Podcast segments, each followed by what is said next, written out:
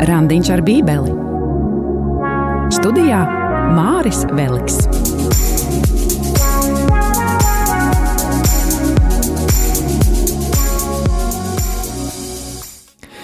Nu, tas ir noticis. Mēs raidījumā esam pietuvojušies visslavenākajai Jēzus runāja Mateja evaņģēlijā, ko pazīstam kā Kalnas prediķi. Kalnas prediķim, jeb svētrunai, kuru mēs lasām Mateja evaņģēlija 5., 6. un 7. nodaļā, veltīsim vairākus raidījumus, tādēļ aicinu nepalaist garām arī turpmākās epizodes, kurās mēs ļoti padziļināti studēsim šīs svarīgās nodaļas. Un beigu beigās klausītāji, tu būsi Kalnas prediķa eksperts. Ar tevi kopā es, Māris Veliks, tavs savedējs randiņā ar Bībeli. Bet starp citu, mazliet par to, ka Kalnas prediķis ir visslavenākā Jēzus runa. Ja vēlies, lai to pierādu, apgalvošu, ka tu klausītāji zini no galvas Kalnas prediķa fragmentu, vairāku pantu, ja nemaldos, piecu pantu garumā pēc kārtas. Vai tu nojauti, kas tas ir? Tēvs mūsu, kunga lūkšana, mūsu tēvs debesīs, tēvs mūsu. Jā, šeit kalnas prediķī ne tikai tēvs mūsu, bet arī par pasaules gaismu un zemes sāli, par baļķi un skabargu acī, Šeit arī slavenais zelta likums un, protams, protams kā nu bez kalna svētībām. Svētīgi garā nabagie, svētīgi žēlsirdīgie, svētīgi lēnprātīgie un tā tālāk un tā tālāk. Bet tā kā Jēzus savu runu kalnā sāk ar kalna svētībām, tad nu tās arī studēsim šodienas raidījumā. Tad nu tavai uzmanībai, dārgo klausītāji, epizode numur 11 - Kalna svētības. Bet pirms mēs aplūkojam šodienas svēto rakstu tekstu, aicinu tevi uz lūgšanu. Dieva tēva un dēla un svētā gara vārdā Āmen. Dārgais svētais gars, kad mēs tuvojamies tavam vārdam, kurš ir dzīves un iedarbīgs, kas ir tevis iedvesmots vārds, mums ir vajadzīga tava klātbūtne, lai mūsu bieži vien nocietinātās sirdis būtu atvērtas tam, ko tu caur šo vārdu vēlies pateikt.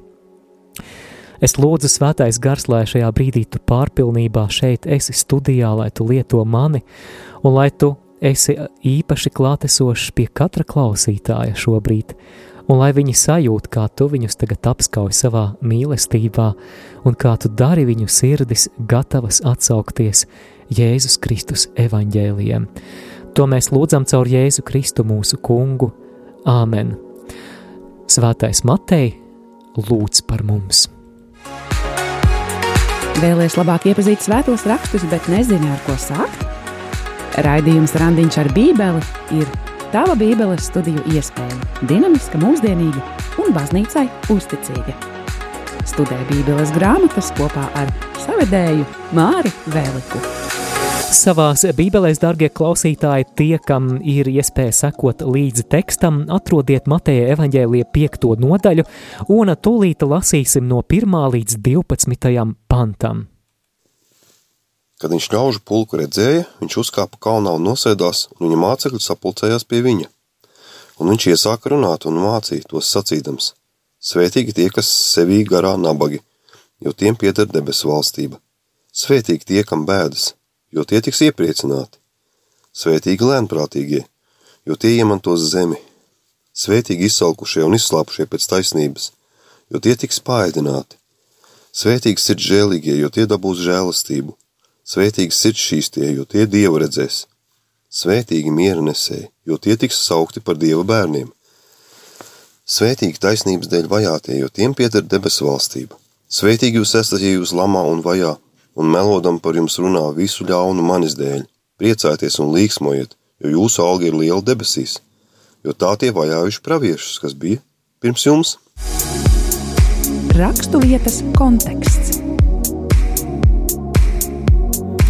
Jā, patiešām konteksts būs ļoti svarīgs, un pirms mēs pievēršamies kalna svētībām, kuras nu pat dzirdējām, Pirms tam vēlos ieskicēt dažas svarīgas lietas, kas mums būtu jāzina par kalnas prediķi, un tas mums ļoti noderēs turpmākajās studijās.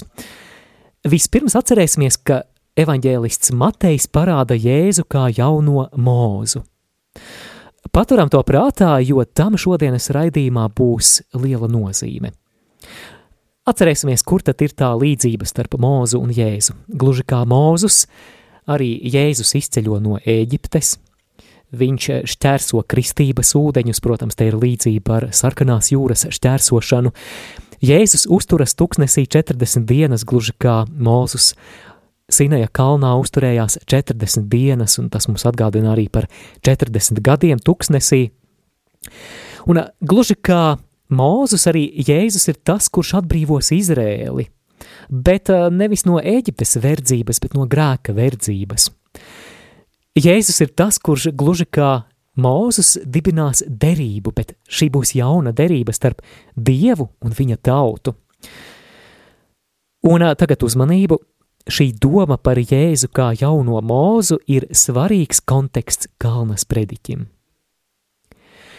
Gluži kā Mūzes kāpj Sinaja kalnā, lai saņemtu likumu, arī Jēzus šeit šodienas fragmentā kāpj kalnā, bet nevis lai saņemtu likumu, bet lai to dāvātu.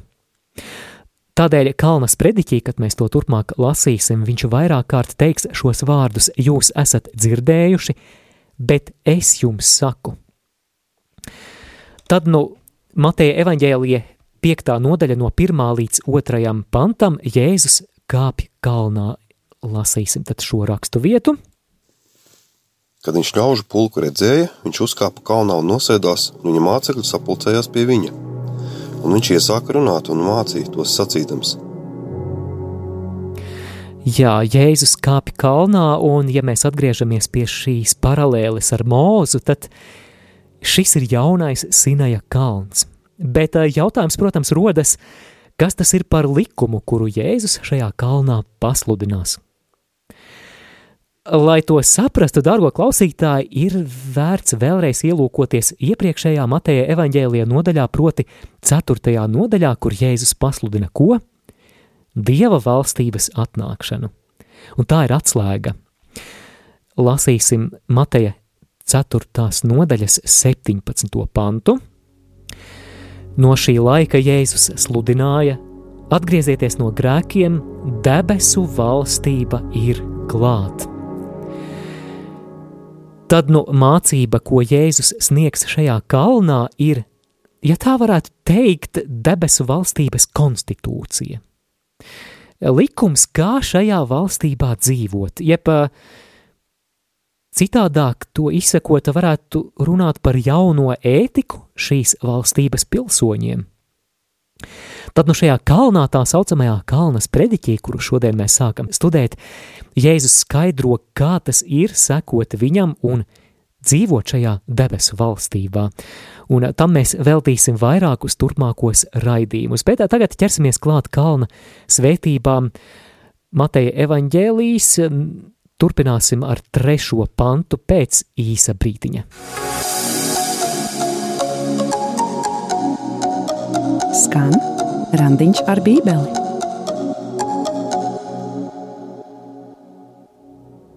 Svētīgi tie, kas sevī garā nabagi, jo tiem pieder debesu valstība.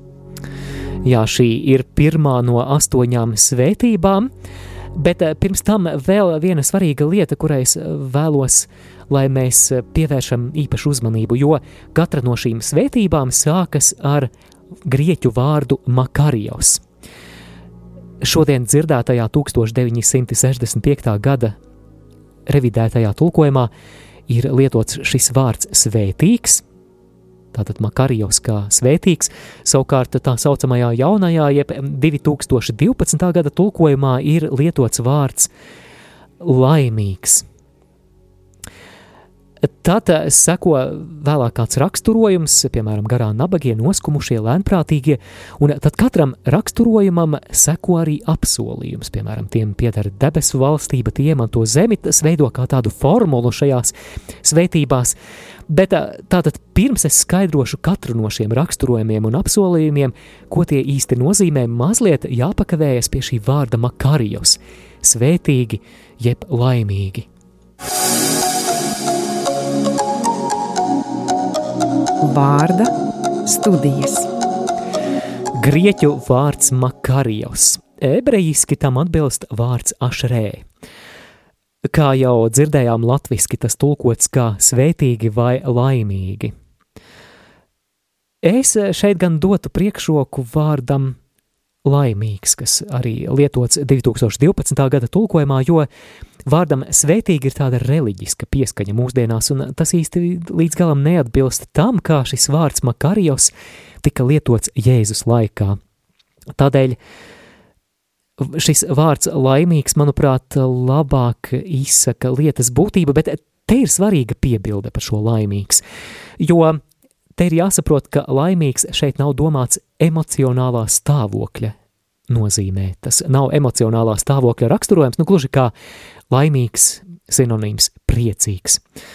Galu galā, kā tas, kam bēdas, vai kā tas, kurš ir noskumis, var būt laimīgs, kā mēs to dzirdēsim otrajā kalna svētībā. Laimīgi šie cilvēki ir tajā nozīmē, ka viņi atrodas īpaši labvēlīgā stāvoklī. Te jau vai apskaužā, apskaužamā un iekārojamā stāvoklī viņi ir privileģēti. Tādēļ es atļaušos pat piedāvāt vēl modernāku tādu brīvu tulkojumu. Mēs varētu pat lietot vārdu apsveicu.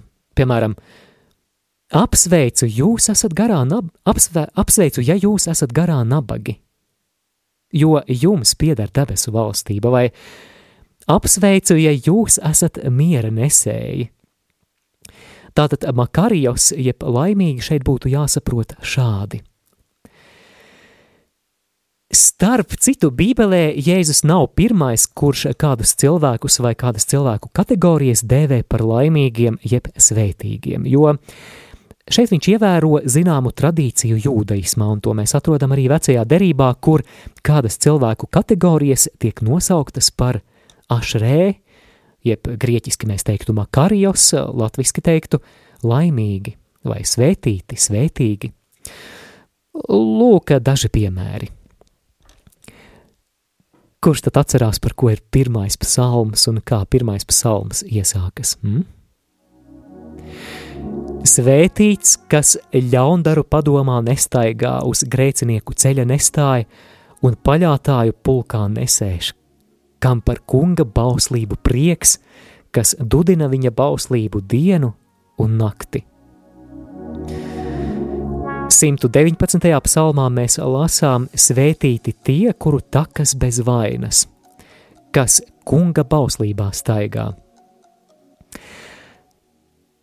Jēzus kalna svētības šajā Mateja evaņģēlija piektajā nodaļā mūs pārsteidz ar paradoksu, ar šķietamu pretrunu.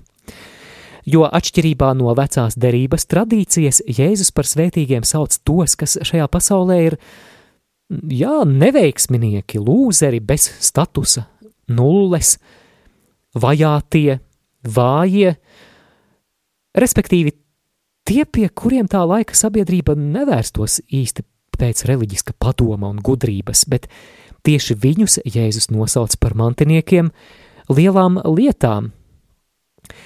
Tik tālu vārda studijas par šo laimīgi, jeb makarijos. Pēc brīža jau turpinām ar pirmo no svētībām - laimīgi garā nabagie, jo viņiem pieder debesu valstība. Randiņš ar bībeli Savedējs Māris Veliks.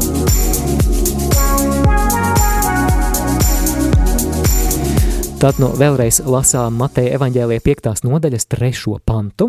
Svētīgi tie, kas sevī garā nabagi, jo tiem pieder debesu valstība. Nolasīšu arī no jaunā tulkojuma laimīgi garā nabagie, jo viņiem pieder debesu valstība. Tad no pirmais raksturojums šeit ir laimīgi ir tie, kuri ir garā nabagie. Apzīmējums, ka šie ir garā nabagie, liecina, ka tas jāsaprot nevis ekonomiskā nozīmē, bet garā nabagie drīzāk ir tie, kuriem neatliek nekas cits, kā paļauties uz Dievu. Tie ir tie, kuri saprot, bez Dieva es nevaru. Bez Dieva es esmu pilnīgā strupceļā, pilnīgs vāks. Un es tā domāju arī, gatavoties šim raidījumam, kā tas attiecas uz mums, kad mēs esam garā nabagie un kad mēs īpaši esam aicināti būt par šiem garā nabagajiem, un tās manas pārdomas aizveda pie mūsu pestīšanas jautājuma. Tātad man nāk prātā mūsu pestīšana no grēka un mūžīgās pazušanas. Atcerēsimies, ko māca baznīca un svētie raksti, ka mēs esam glābti tikai Dieva žēlastības dēļ, tātad tikai pateicoties Jēzus upurim pie krusta un caur viņa augšām celšanos. Un tas ir kaut kāds, kaut kas tāds, kamā mēs varam vienoties un visi teikt āmen, neatkarīgi no tā, vai mēs piedaram katoļu konfesijai vai protestantu baznīcām vai pareisticīgajiem, Bet, lai saņemtu šos Jēzus nopelnus, mums tie ir nevis jānopelna, mums ir nevis kaut kas jāpierāda Dievam, bet tieši pretēji mums ir jānāk pie Dieva kā garā nabagajiem. Proti, kā tiem, kuriem nav ko dot, kā tiem, kuri apzinās, ka visu ir sačakarējuši, ka bez Dieva nekā nebūs. Tā ir tā attieksme, kad mēs sakām, Dievs apžēlojies par mani, Dargo klausītāji, es domāju arī, ka brīdis, kad mēs nākam pie izlīkšanas sakramenta, kad mēs ejam uz grēksūdzi, kad tai gatavojamies, ka tam arī ir jābūt brīdim, kad uh, mums ir jāieņem un vēlreiz jāapzinās šī garīgās nabadzības pozīcija, ka es esmu tukšs, ka es esmu bankrotējis un ar šo visu nabadzību es nāku Dieva priekšā, nāku uz šo vietu, kurā Dievs mani satiks, kurā viņš mani atkal apskaus kā savu bērnu un izlies pār mani piedošanu un savu mīlestību. Šiem garā nabagajiem ir arī apsolījums. Tātad atceramies, ka formula ir tāda, ka vispirms ir raksturojums un tad ir apsolījums. Apsolījums ir šāds. Viņi ir laimīgi, jo viņiem pieder debesu valstība. Ja nākamajās svētībās, izņemot pēdējo, uh, apsolījums ir nākotnes formā, tad šeit runāts par tagadni. Viņiem pieder debesu valstība. Tātad tu kvalificējies būt zem šīs dieva valdīšanas jau tagad, ja atzīsti savu bankrotu.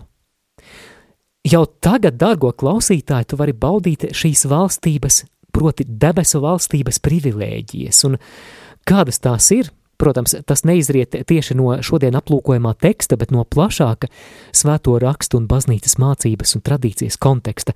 Man nāk prātā šīs debesu valstības privilēģijas, piemēram, tas, ka jau tagad tu esi Dieva bērns. Jau tagad tu vari būt piepildīts ar, svēt, ar svēto garu. Jau tagad, kā šīs valstības resursu, tu vari baudīt to autoritāti, kuru Dievs tev piešķir. Protams, tas viss savu galējo piepildījumu iegūs mūžībā, kad mēs skatīsim Dievu vaigu vaigā.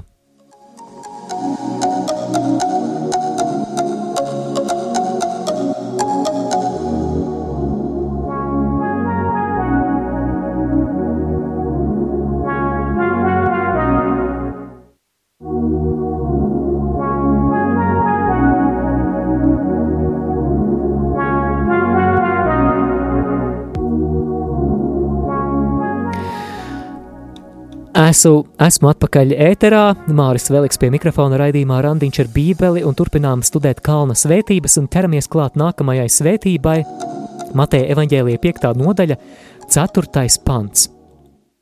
Svētīgi tie, kam bēdas, jo tie tiks iepriecināti. Nolasīšu arī no jaunā tulkojuma, laimīgi apbēdinātie, jo viņus mierinās.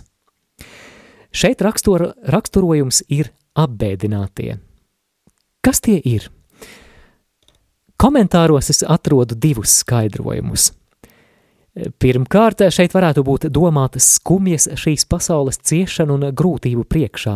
Gluži kā himnā esi sveicināta karaliene, mēs dziedam par to, ka mēs sērojam, raudot šajā asaru ielējā. Un patiešām Dievs nekur nav apsolījis, ka šī zemes dzīve būs paradīze virs zemes. Visi cilvēki cieš. Viens vairāk, viens mazāk, bet visi cilvēki cieš. Reizēm ciešam ļoti smagas traģēdijas. Arī Atklāti sakot, šis jocīgais laiks pasaulē, kad plosās šī pandēmija, arī ir ciešanu laiks daudziem cilvēkiem.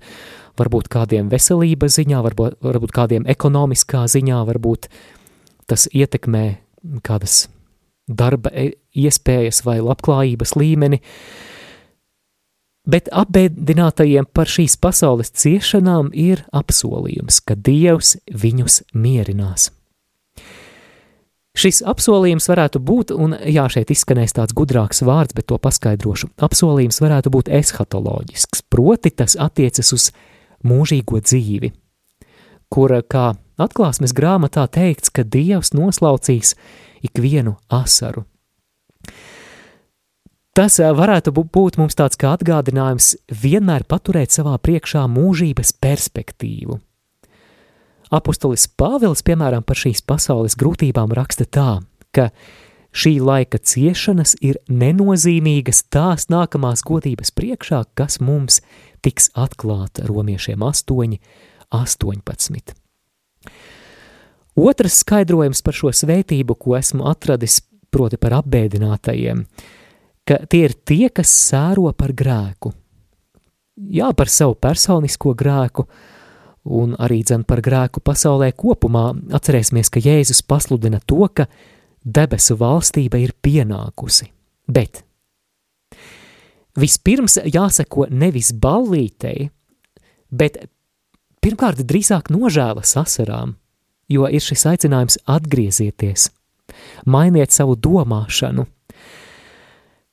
Vēl šajā apsolījumā par mierinājumu atbalsojas arī viens no mesijāniskajiem pravietojumiem pravieša Jesajas grāmatā, precīzāk 61. nodaļā, kur ap, apsolīts mierinājums visiem sērotājiem.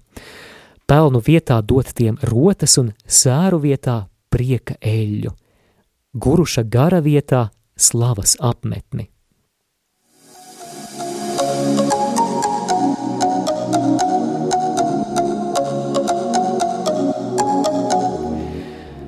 Turpinām ar nākamo kalna svētību, un tas būs piektais pants Mateja evaņģēlija piektajā nodaļā.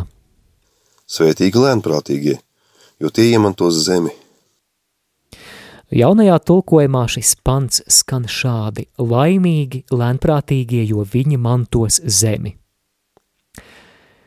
Kas ir lēnprātīgie? Lēnprātīgie ir tie, kuriem piemīt iekšējs spēks savaldīties – atturēties no atriebības, no ļaunām dusmām, no vēlmes atmaksāt, un vispilgtāk, protams, ka mēs to redzam paša Jēzus piemērā, kurš ir lēnprātīgs un pazemīgu sirdi.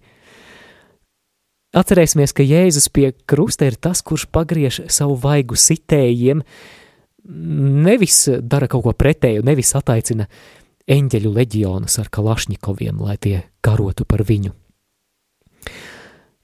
Un tā ir lēnprātības nostāja.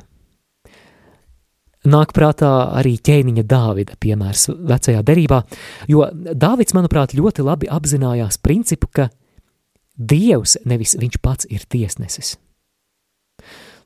Piemēram, kad Dāvidam rodas lieliska izdevība nogalināt ķēniņu Saulu, kurš viņu paranoiski vajā, Dāvids to atsakās darīt – Viņš zina, ka Dievs pats iestājas par viņa taisnību, ka Dāvidam pašam nav jābūt par savas lietas tiesnesi. Tātad lēnprātīgais nav agresīvs, nav skarbs, lēnprātīgais nav tirānisks pret tiem, kuriem gribētos eh kā atmaksāt. Apsolījums lēnprātīgajiem ir viņi iemantos zemi – Viņi iemantos zemi, par kādu zemi šeit ir runa. Pirmkārt, jāsāk ar to, ka šeit, šajā Jēzus tekstā atbalsojas 37. psalma 9. pants, kas gaida kungu, tas mantos zemi. Vārds iemantot bieži tiek lietots attiecībā uz apsolīto zemi, bet nevienmēr šī apsolītā zeme svēto rakstu kontekstā ir jāuzlūko tādā tiešā geogrāfiskā nozīmē, jo ieiešana apsolītajā zemē kļūst arī par norādi ieiešanai jaunajās debesīs un jaunajā zemē, kur būs, kas būs mesijāniskās valstības piepildījums.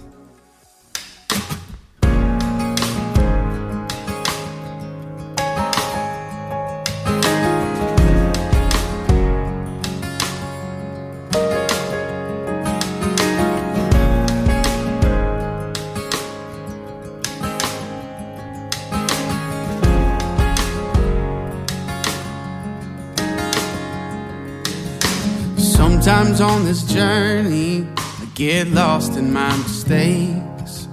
It looks to me like weakness is a canvas for your strength.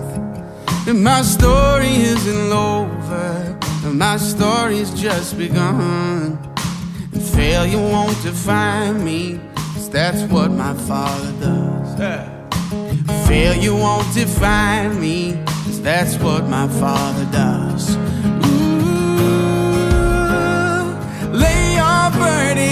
Down. Ooh, here in the Father's house, check your shame at the door.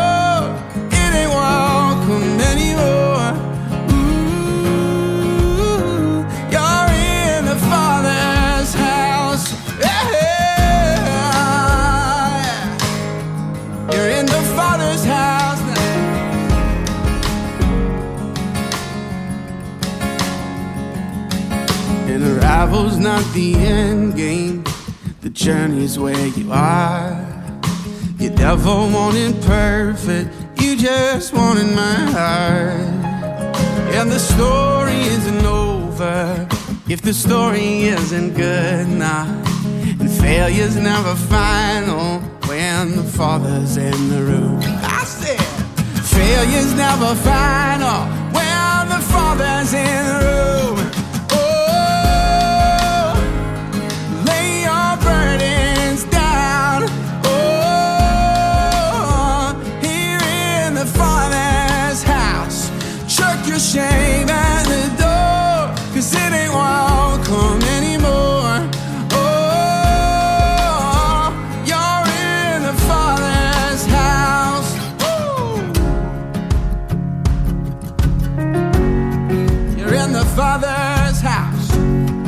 The Father's arms. Yeah. The prodigals come home, the helpless find hope. Love is on the move when the Father's in the room. Prison doors fling wide, the dead come to life. Love is on the move when the Father's in the room. Hey, miracles take place, the cynical find faith. Love is breaking through when the Father's in the room. Ah, Jericho walls are quaking, strongholds now are shaking. Love is breaking Raidījums Randiņš ar bībeli tavā radioaparātā vai citā skanošajā ierīcē. Māris Veliks šeit pie mikrofona šodien studēja Mateja evaņģēlija 5. nodaļu no 1. līdz 12. pantam, respektīvi aplūkojam slavenās kalna svētības, tur, turpināsim arī tūlīt ar 6. pantu, bet, dargo klausītāji, ja tev ir kāds jautājums, kāda neskaidrība vai kāds komentārs, ja ir kaut kas sakāms par to, ko dzirdi šajā raidījumā, tad, droši iesaisties tūlīt arī atgādināšu kontaktinformāciju. Noteikti es gribētu arī dzirdēt, kā tev veicas ar saviem personiskajiem randiņiem ar Bībeli. Varbūt tev ir kāda skaista liecība, varbūt kāds skaists brīdis, kurā tu pavadīji laiku kopā ar Dievu, lasot viņa vārdu. Tad droši padalies! Iesaisties ēterā, zvanot uz studijas tālruni 67 969 131 vai rakstot īsiņu uz numuru 266 77 272. Izmanto arī e-pasta iespēju Studija at rml.lv. Turpinām lasīt Mateja evaņģēlija piekto nodaļu un laiks sastajam pantam. Svētīgi izsalkušie un izslāpušie pēc taisnības, jo tie tiks paēdināti. Jaunajā tulkojumā laimīgi izsalkušie un izslāpušie pēc taisnības, jo Dievs viņiem pa pilnam to dos. Raksturojums šeit ir izsalkušie un izslāpušie pēc taisnības. Vārds taisnība, jeb grieķiski dikajus, nē, Mateja evaņģēlijā lielākoties ir lietots apzīmējot pareizu, Dieva gribai atbilstošu rīcību. Tāpēc mēs varam pieņemt, ka izsalkušie un izslāpušie pēc taisnības ir tie, kuri patiešām no sirds ilgojas dzīvot saskaņā ar Dieva gribu. Nu, tā kā ēst gribās, tā kā vasarā garā pārgājienā vai svētceļojumā, kad esam izslāpuši un gribās beidzot atrast kādu aku un uzpildīt savu tukšo ūdens pudeli. Tie ir tie, kuri vispirms meklē Dieva valstību un viņa taisnību. Tu vēlies to kā ēdienu, tu vēlies to kā dzērienu, mēs varam atcerēties, piemēram, Jēzus vārdus Jāņa evaņģēlijā 4. nodaļā, 34. pantā.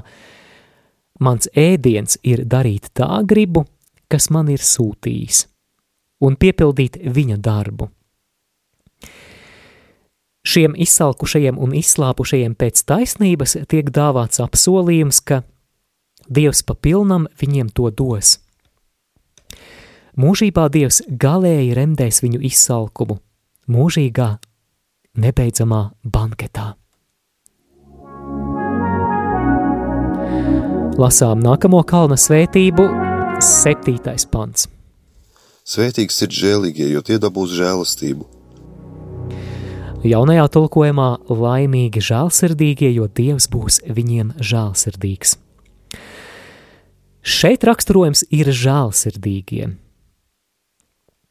Kā to saprast? Žēlsirdība, žēlsirdība nozīmē divas lietas parasti. Gan piedošanu tiem, kas ir vainīgi, un otrā nozīme arī līdzjūtību pret tiem, kuri cieš un ir trūkumā. Tātad tu esi žēlsirdīgs, ja tu piedod citiem un ja palīdzi tiem, kas cieš. Apsolījums šeit ir Dievs būs viņiem žēlsirdīgs, tātad ar kādu mēru. Tu mēro ar tādu mēru tev atmērīs, un šeit ir lietota nākotnes forma, un acīm redzot domāts tas, ka pēdējā tiesā Dievs šiem cilvēkiem būs žēlsirdīgs, un laba ilustrācija tam atrodama Mateja evaņģēlija 25. nodaļā, nolasīšu vairākus pantus – sākot no 34. panta, noteikti atceries šo rakstu vietu par ķēniņu, kurš laiku beigās iztiesā avis un āžus. Tad ķēniņš sacīs tiem, kas ir pa labi: Jūs, mana tēva svētītie, nāciet un iemantojiet valstību, kas jums sagatavota kopš pasaules radīšanas. Jo es biju izsalcis, un jūs devāt man ēst, Es biju izslāpis, un jūs devāt man dzert. Es biju svešinieks, un jūs mani uzņēmāt. Es biju kails, un jūs mani apģērbāt. Es biju slims, un jūs mani apraudzījāt. Es biju cietumā, un jūs nācāt pie manis. Tālāk mēs lasām, ka tad, kad taisnie jautā, kad tad viņi tā ir darījuši, Jēzus viņiem atbild, un tas ir 40. pants. Patiesi es jums saku, visu, ko jūs esat darījuši vienam no šiem maniem vismazākajiem brāļiem, jūs esat man darījuši. Lūk, ko nozīmē būt žēlsirdīgam un ko nozīmē to, ka Dievs mums ir žēlsirdīgs.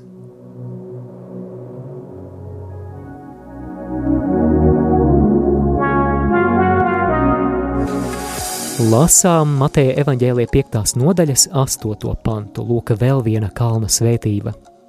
Svētīgs sirds šīs tie, jo tie Dievu redzēs. Jaunajā tulkojumā laimīgi sirds šķīstie, jo viņi Dievu redzēs. Raksturojums šeit ir sirds šķīstie. Šeit vispirms vērts atbildēt uz jautājumu, kas īsti ir sirds, un tad, ko nozīmē tieši šķīsta sirds. Ebreju domāšanā sirds ir cilvēka iekšējās dzīves centrs, un šādā nozīmē patiesībā arī mēs lietojam bieži vien šo vārdu. Tātad iekšējās dzīves centrs, kas nozīmē gan mūsu emocijas, mūsu intelektu un sevišķi gribu. kas ir šķīsta sirds? Tā ir sirds, kas mīl Dievu nedalīti. Mūsdienās mēs mēdzam lietot tādu vārdu integritāte, proti mums ir kopveselums, kas nozīmē, ka mēs nedzīvojam dubulta dzīvi, kur mēs ārēji rādām savu ideālo tēlu, bet iekšēji esam sapuvuši, tādi staigājošie nobalsinātie kapi, kā Jēzus teiktu. Jā, tas arī nozīmē, ka tā ir sirds, kura, kura nav arī grēka un nešķīstības apstulbināta.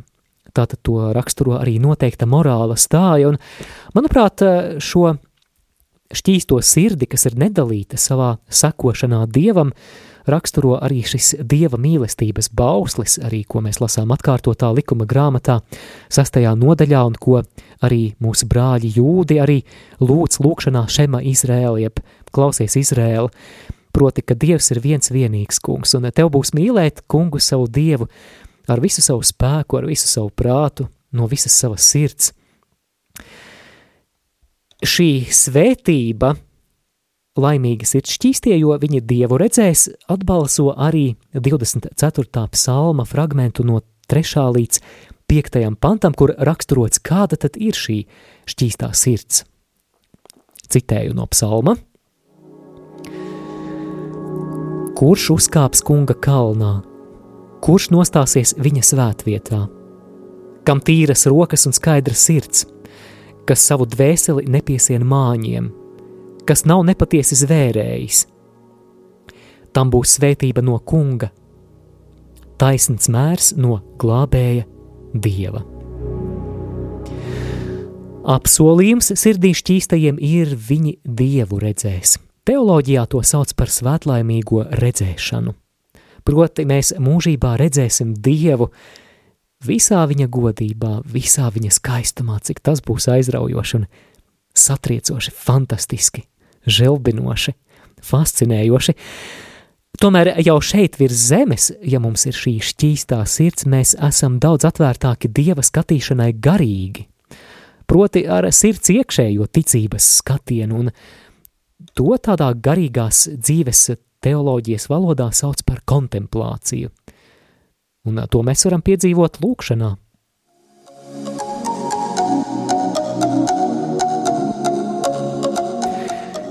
Devītais pants. Svētīgi miera nesēji, jo tie tiks saukti par Dieva bērniem. Jaunajā tulkojumā laimīgi miera nesēji, jo viņi tiks saukti par dieva bērniem. Raksturojums ir miera nesēji. Kas tie ir? Pirmkārt, tie, kas pasaulē veicina mieru un izlīgumu, kas tiecas pēc miera ar citiem. es nezinu, kā, kā tev klausītāji, vai skatījies vai nē, bet bērnībā atceros tādu multfilmu par runci Leopoldu. Viņš, manuprāt, ir īsts miera nesējs. Atcerieties to viņa frāzi tam kašķīgajām pelēm, davaici, ribata, davaici, žić družna. Otrakārt, miera nesēji ir tie, kas sludina evaņģēliju. Tā, lai citi varētu izlīgt ar Dievu, samierināties ar Dievu, apustulis Pāvils tā raksturo tieši savu misiju. Otrajā vēstulē korintiešiem 5. nodaļā 20. pantā viņš saka, Kristus dēļ mēs lūdzam, saņemiet šo izlīgumu ar Dievu. Pāvils caur šo sludināšanu, caur šo kalpošanu ir miera nesējs. Apsolījums miera nesējiem ir viņi tiks saukti par Dieva bērniem. Un šeit jāsaprot, ka šī saukšana par Dieva bērniem tas nav gluži tas, ko mēs kā katoliskā baznīca māca ka mēs kristībā topam par Dieva bērniem. Dievs mūs pieņem par saviem bērniem. Šeit drīzāk eh, šis teiciens būtu jāsaprot šādā nozīmē. Ir ebreju ideomātisks izteiciens būt par dēlu, kurš bieži vien norāda uz kopīgu raksturu vai statusu. Tātad šeit dieva bērni pauž ideju par to, ka miera nesēji ir līdzīgi dievam savā raksturā, jo Dievs ir tas, kurš samierina. Caur Jēzu Kristu viņš samierinās grēkā kritušo cilvēci ar sevi. Ja tu, klausītāji, esi miera nesējs, tad tu rīkojies līdzīgi Dievam, un šajā nozīmē tu vari saukties Dieva bērns. Tātad tu nes sevī viņa raksturu, un tā ir privilēģija.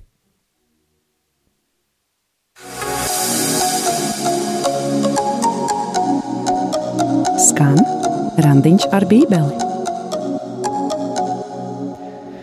Raidījums tuvojas noslēgumam, patiešām priecāšos no sirds, ja iesaistīsieties ēterā, lai man nav tā sajūta, ka es pats sev šeit kaut ko stāstu. Droši, droši uzrakstiet, kā jums ar personiskajiem randiņiem ar bībeli. Varbūt arī kāds jautājums vai pārdomas vai komentārs par šodien raidījumā dzirdēto vai arī iepriekšējos raidījumos dzirdēto. Numurs īsiņām ir 266, 77, 272, bet šajā brīdī lasām no 10. līdz 12. pantam, lūk, arī pēdējā kalna svētība. Svētīgi taisnības dēļ vajātie, jo tiem pieder debesu valstība. Svētīgi jūs esat, ja jūs lamā un vajā, un melodam par jums runā visu ļaunu manis dēļ. Priecājieties un līksmojiet, jo jūsu alga ir liela debesīs, jo tā tie vajājuši praviešus, kas bija pirms jums. Šī dzīšanās pēc taisnības, jeb dzīves atbilstoši dieva gribai, izraisa opozīciju. Jā, opozīciju no to puses, kuri caur to jūtas neskāpēc apdraudēti. Opozīcija gan no šīs rakstu vietas, tas izriet arī no citām rakstu vietām. Šai opozīcijai patiesībā ir jābūt normālai kristieša iezīmei. Patīk vai neklausītāji, droši vien, ka nepatīk man arī nav viegli varbūt to dzirdēt, bet radikāla nodošanās Jēzum un evaņģēlijam agrāk vai vēlāk izraisa pretestību. Tev, klausītāji, noteikti arī tavā dzīvē ir, ir kādas situācijas, kurās tu esi varbūt ģimenes locekļu nesaprasts, varbūt kolēģi mazliet vīpsnā par to, ka tu regulāri dodies uz svēto misi. Tātad Šī pretestība var izpausties sākot ar izsmiešanu, neizpratni līdz pat fiziskām vajāšanām, kādas kristieši piedzīvo, piemēram, musulmaņu zemēs, un patiesībā pat nav jāskatās uz tuvajiem austrumiem, jo nesen tepat Rietumē Eiropā piedzīvoti uzbrukumi kristiešiem. Piemēram, 29. oktobra rītā trīs cilvēki nodurti Nīcas katoļu bazilikā Francijā vienkārši tāpēc, ka viņi bija kristieši. Otrajā vēstulē Timotejam, 3. nodaļā, 12. pantā, mēs lasām ļoti skarbus Pāvila vārdus. Visi, kas grib dievbijīgi dzīvot, Kristu Jēzu tiks vajāti. Jēzus šajā šodienas rakstu vietā norāda arī uz praviešu piemēru. Pravieši tika vajāti, tātad tas ir 12. pantā priecājieties un gavilējiet, jūsu alga ir liela debesīs. Tāpat tie vajāja arī praviešus, kas bija pirms jums. Dargo klausītāji, zini, es, es tā domāju par to, kāpēc mēs, varbūt es par sevi runāšu, kāpēc es bieži vien nepiedzīvoju savā dzīvē vajāšanas vai, vai pretestību manas ticības dēļ, un, Un, godīgi sakot, tas man liek uzdot jautājumu par to, vai mūsu kristietība gadījumā nav tik remdena,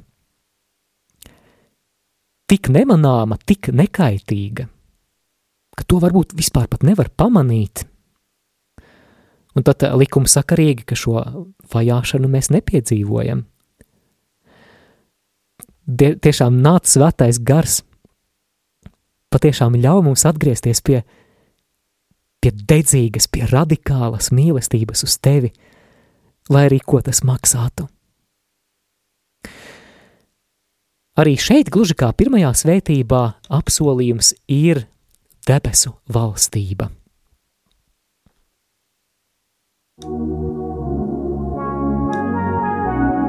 Kā dzirdētais attiecas uz manu dzīvi?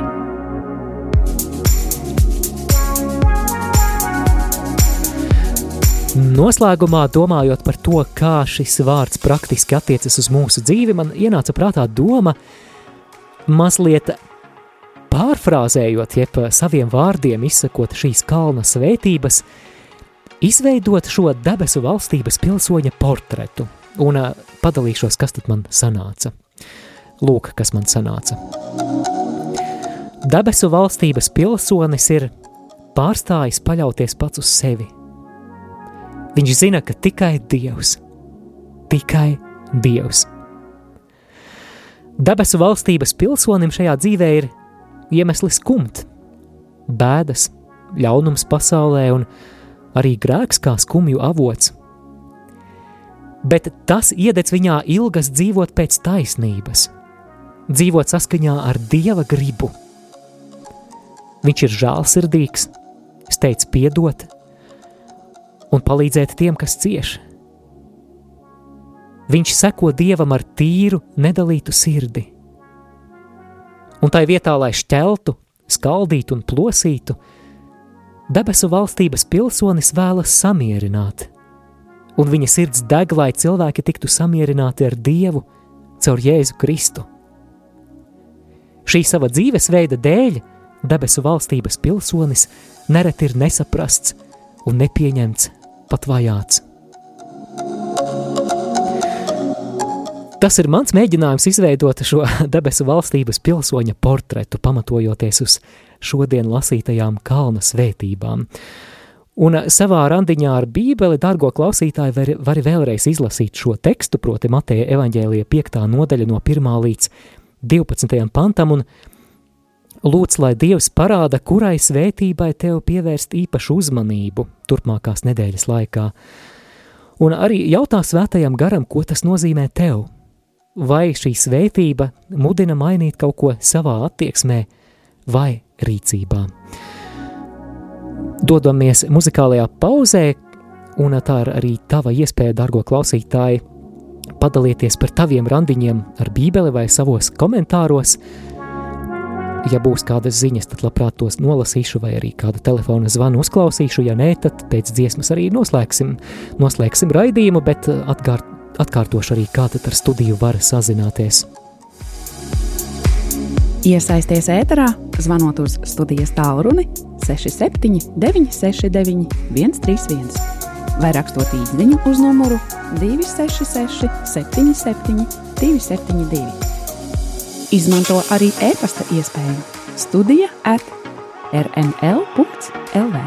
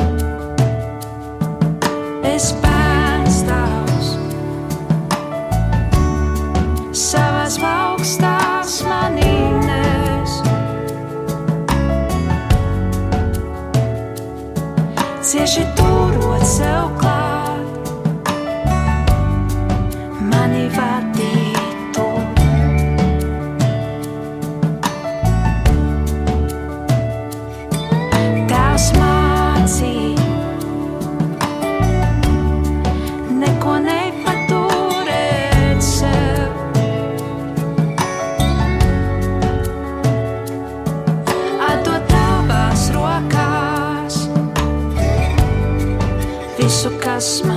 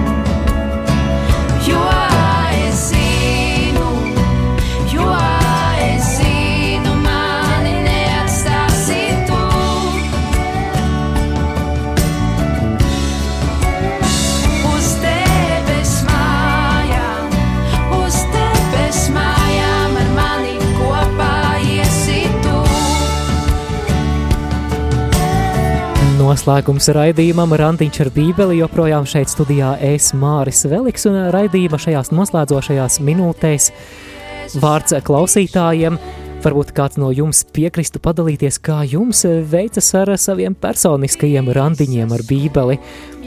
Kāda īziņa ir pienākusi, tūlīt arī to nolasīšu. Paldies arī klausītājiem par iesaistīšanos, bet uh, varbūt es padalīšos pats par kādu savu mīļāko randiņu ar Bībeli pēdējā laikā, jo pagājušajā nedēļas nogalē man bija iespēja apmeklēt savus vecākus un arī nakšņot viņu vasarnīcā, kas ir pilsētas nomalē, mežs, ezers ir netālu, un tad agrā sestdienas rītā ap pulksten četriem man izdevās piecelties un doties tādā agrā, agrā lūkšanu pastaigā, aizgāju līdz ezeram un pastaigāju pa mežu, lūdzos un tad aizgāju uz mājām un uh, lasīju tad eh, attiecīgās dienas savu bībeles lasījumu porciju, un eh, tas bija neaizmirstams brīdis ar kungu, neaizmirstams randiņš arī ar bībeli, kaut kas ir īpašs tādās agrās, agrās rīta stundās, kad pasaule ir klusa un rāma, un vēlāk, protams, es gāju gulēt un gulēju ilgi, ilgi varēju atļauties galu galā sestdiena, brīvdiena, bet vēlāk visas dienas garumā es jūtu šo šo patīkamo dieva pieskāriena pēcgaršu. Lūk, arī tāds mans pēdējā laika mīļākais randiņš ar bībeli. Ja arī tu, dārgo klausītāji, vēlies padalīties, tad raksti īziņas uz numuru 266 77 272.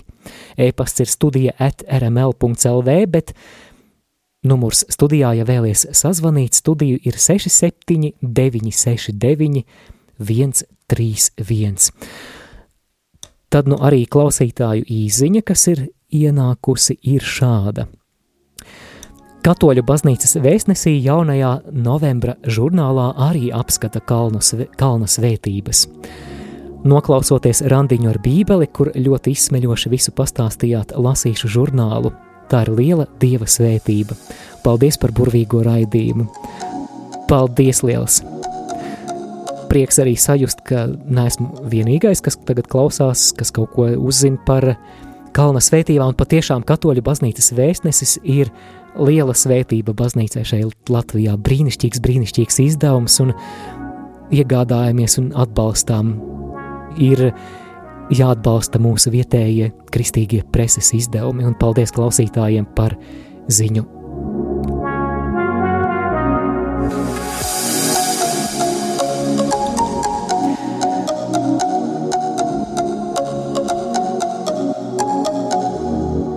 Dargo klausītāji, atgādinu, ka raidījums Randiņš ar Bībeli neaizstāja personiskos randiņus ar Bībeli gluži kā uztura bagātinātājs neaizstāja sabalansētu uzturu.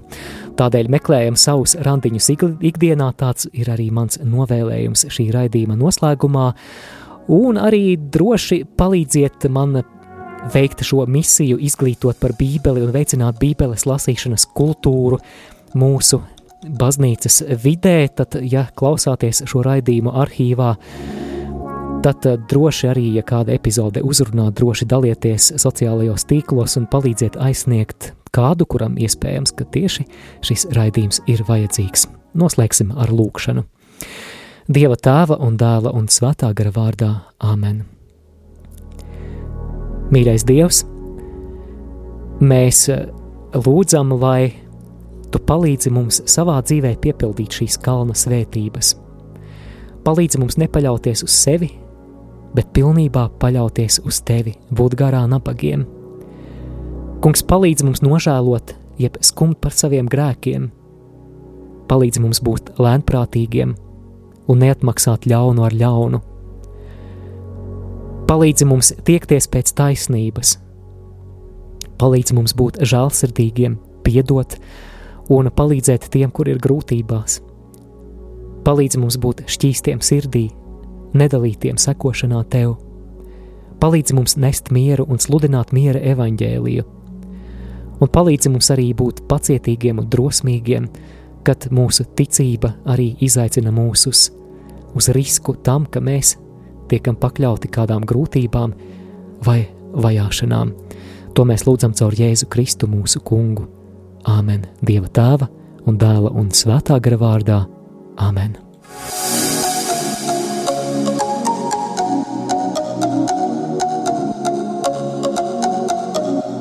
Jūs klausījāties raidījumu Randiņš ar Bībeli.